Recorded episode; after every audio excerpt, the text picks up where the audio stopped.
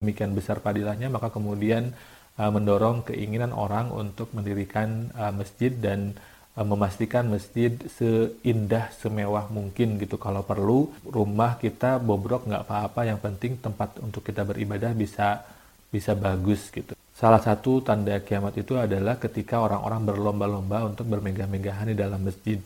Walaupun kalau misalkan kita bedah lebih jauh menurut Al-Anzim Abadi dalam syarah Sunan Abu Daud itu sebetulnya yang digaris bawahi, yang digaris bawahi itu bukan bukan masjid yang mewahnya, tapi kesombongan yang menyertai dalam membangun uh, masjid gitu.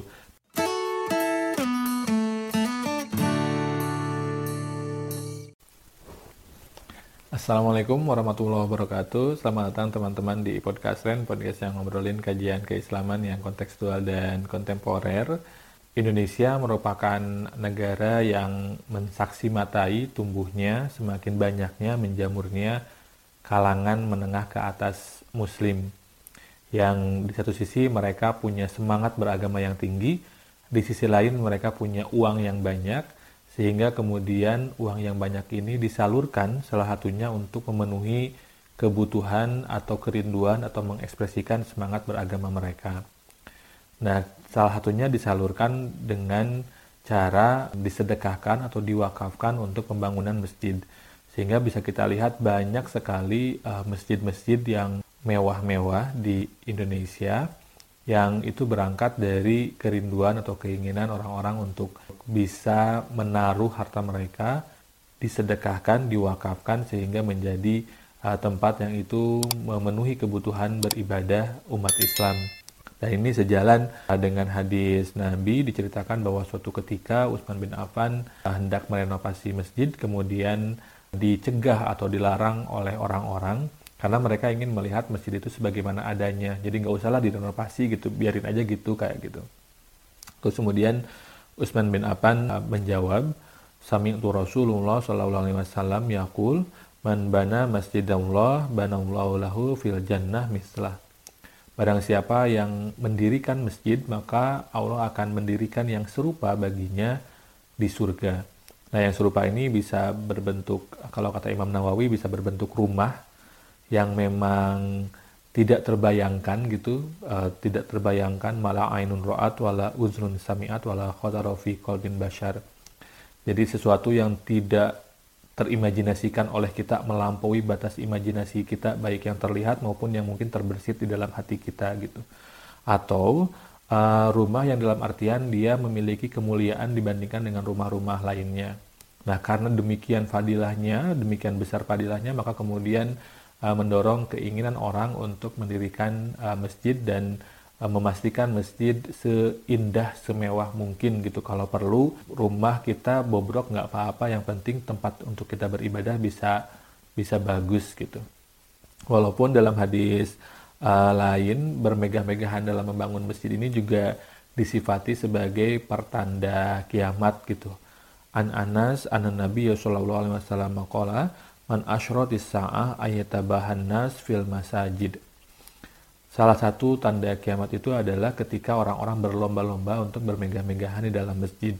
Walaupun kalau misalkan kita bedah lebih jauh menurut Al-Anzim Abadi dalam syarah Sunan uh, Abu Daud itu sebetulnya yang digaris bawahi, yang digaris bawahi itu bukan bukan masjid yang mewahnya tapi kesombongan yang menyertai perlombaan untuk bermegah-megah bermegah-megah atau bermewah-mewah dalam membangun uh, masjid gitu. Padahal di saat yang sama masjidnya bagus, masjidnya mewah, tapi ternyata dia tidak difungsikan atau dia tidak berfungsi, tidak dimakmurkan sebagaimana semestinya. Dan dalam konteks ini mungkin juga berhubungan dengan kebutuhan kita untuk menghadirkan masjid yang inklusif. Kenapa ini perlu kita catat? Karena kadang-kadang kalau kita lihat banyak sekali masjid tapi uh, hanya sedikit masjid yang itu uh, ramah terutama bagi kalangan-kalangan misalkan kalangan-kalangan atau teman-teman yang disabilitas. Misalkan ada penelitian uh, ada salah satu penelitian yang dilakukan dan itu menyoal standar inklusivitas masjid. Ini dilakukan oleh Pusat Studi dan Layanan Disabilitas Universitas Brawijaya dan dia melihat bahwa ternyata dari masjid-masjid yang dia jadikan sampel itu rata-rata hanya 4% yang masjid yang dia secara umum memenuhi kebutuhan uh, kalangan atau teman-teman disabilitas secara inklusif gitu. Mulai dari toiletnya atau misalkan tempat wudhunya gitu. Uh, marka penunjuk areanya slot parkirnya. Kadang-kadang tidak semua masjid juga punya area untuk orang-orang yang menggunakan kursi roda bisa masuk belum lagi mungkin pandangan negatif terhadap orang yang berkursi roda yang dia mau mau ke masjid dan dianggap rodanya kotor sehingga dianggap akan bikin masjidnya menjadi kotor dan dan seterusnya. Dan ini menjadi persoalan bersama kita gitu. Jadi kita mungkin sudah tiba pada tahap di mana kita bisa menghadirkan masjid yang mewah, tapi pertanyaannya adalah apakah masjid yang mewah itu sudah inklusif ataukah belum? Itu menjadi pertanyaan pertanyaan bersama.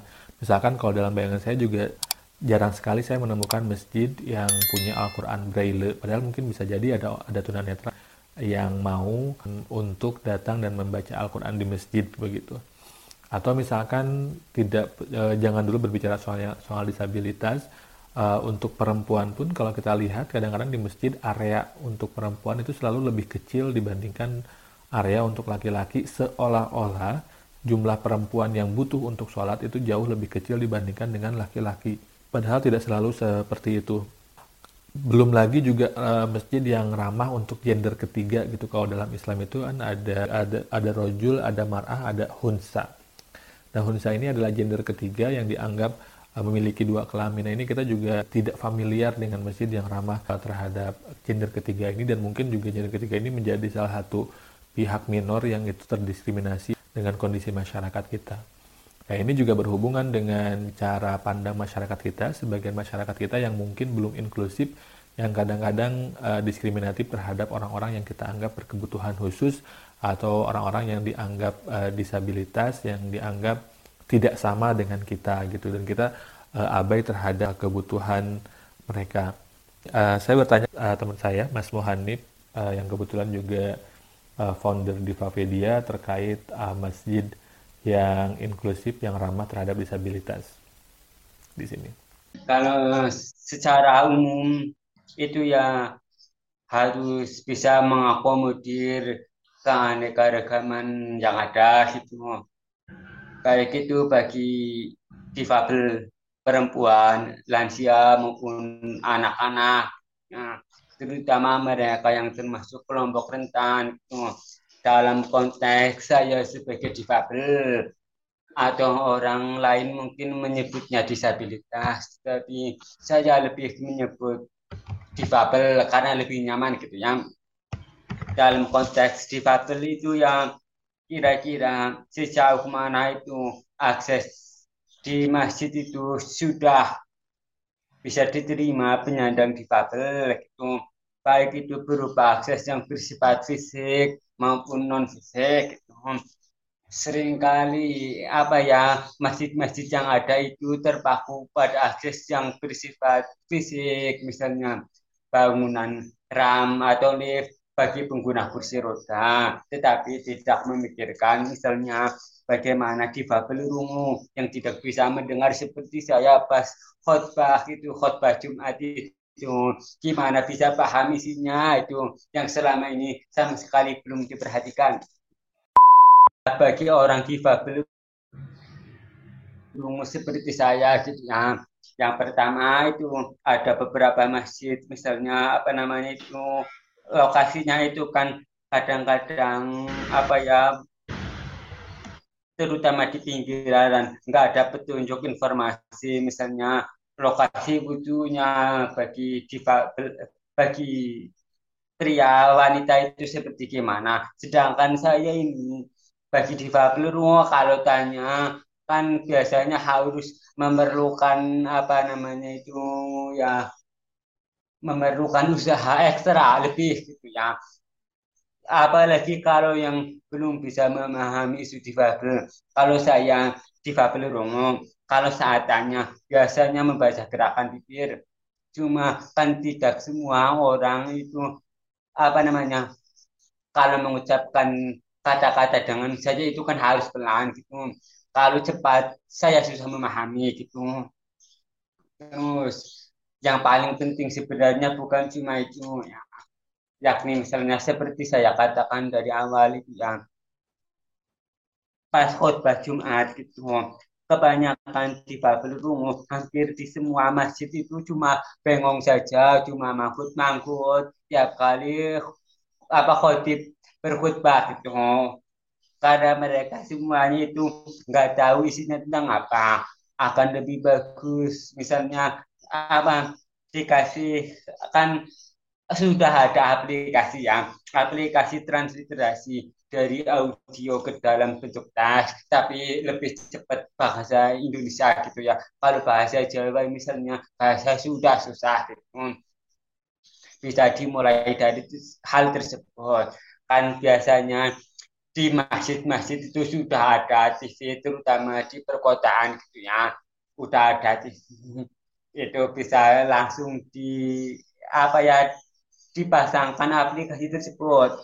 Kalau enggak ya minimal setelah habis Jumatan itu ada semacam teks tertulis dari khotibnya gitu. Kalau bisa cuma kita akan tahu sendiri di masjid itu khotibnya biasanya cuma membuat rincian besar semacam poin-poin pentingnya saja pas khutbah itu yang sulit mungkin mereka juga keberatan buat menulis dalam jumlah besar gitu. Mungkin ya ada semacam rekaman. Nanti ada proses transliterasi dari audio ke dalam bentuk kayak gitu aja. Masjid-masjid yang saya kunjungi sejauh ini hampir semuanya itu belum akses ke di Babel gitu, belum.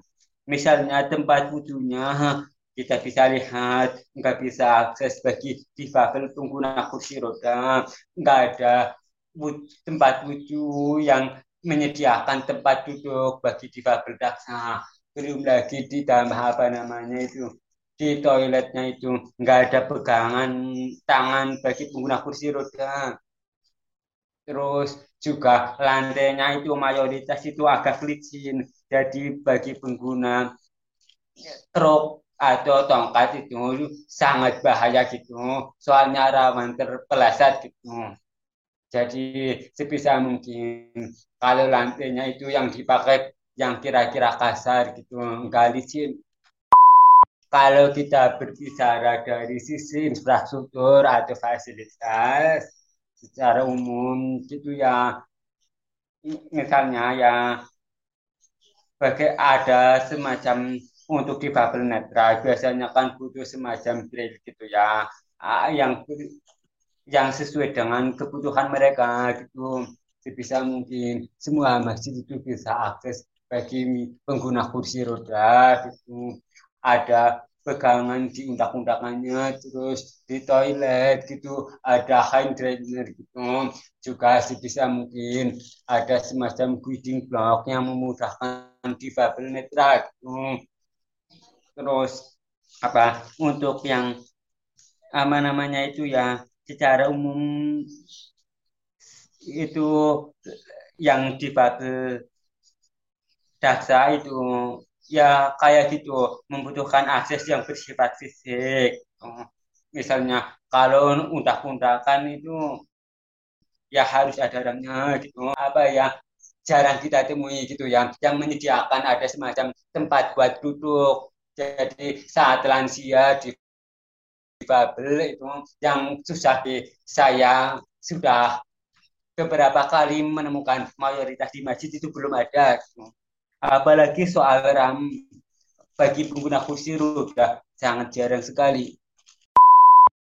Kalau masjid yang sudah inklusif yang menjadi contoh mungkin itu di masjid kampus UIN Sunan Kalijogo.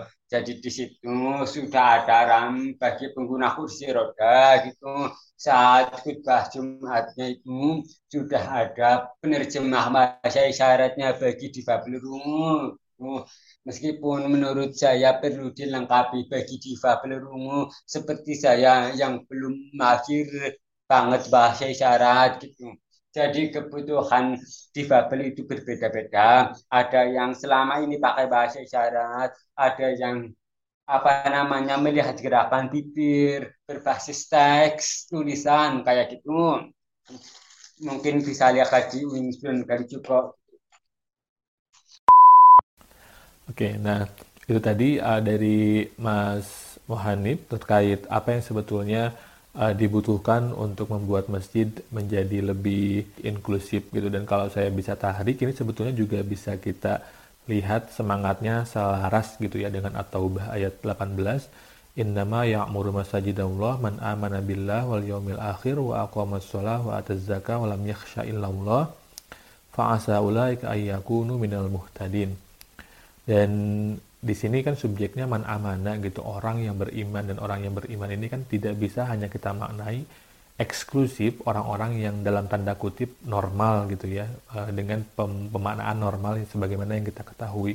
Karena di sisi lain teman-teman disabilitas juga adalah bagian dari man amana yang dia butuh untuk difasilitasi sehingga dia bisa termasuk golongan eh, orang-orang yang memakmurkan uh, masjid berarti kalau misalkan kita butuh untuk menghadirkan masjid yang uh, inklusif gitu ya tidak hanya mewah tapi juga mengakomodasi dan merangkul teman-teman disabilitas mula-mula sepertinya kita juga harus mengubah mindset kita. Tidak bisa lagi kita melihat masjid atau kebutuhan beribadah hanya sebatas dari perspektif orang non disabilitas tapi juga harus mencakup uh, perspektif atau sudut pandang teman-teman disabilitas melibatkan mereka dalam proses perencanaannya atau setidak-tidaknya merujuk pada Permen PU nomor 30 yang itu sudah me, sudah merangkum uh, standar bangunan yang itu ramah disabilitas juga. Karena mereka juga sama seperti kita punya hak untuk beribadah dan di mata Allah kita semua sama. Karena yang membedakan bukan kondisi fisik atau kondisi mental dan lain sebagainya tetapi adalah kadar ketakwaan.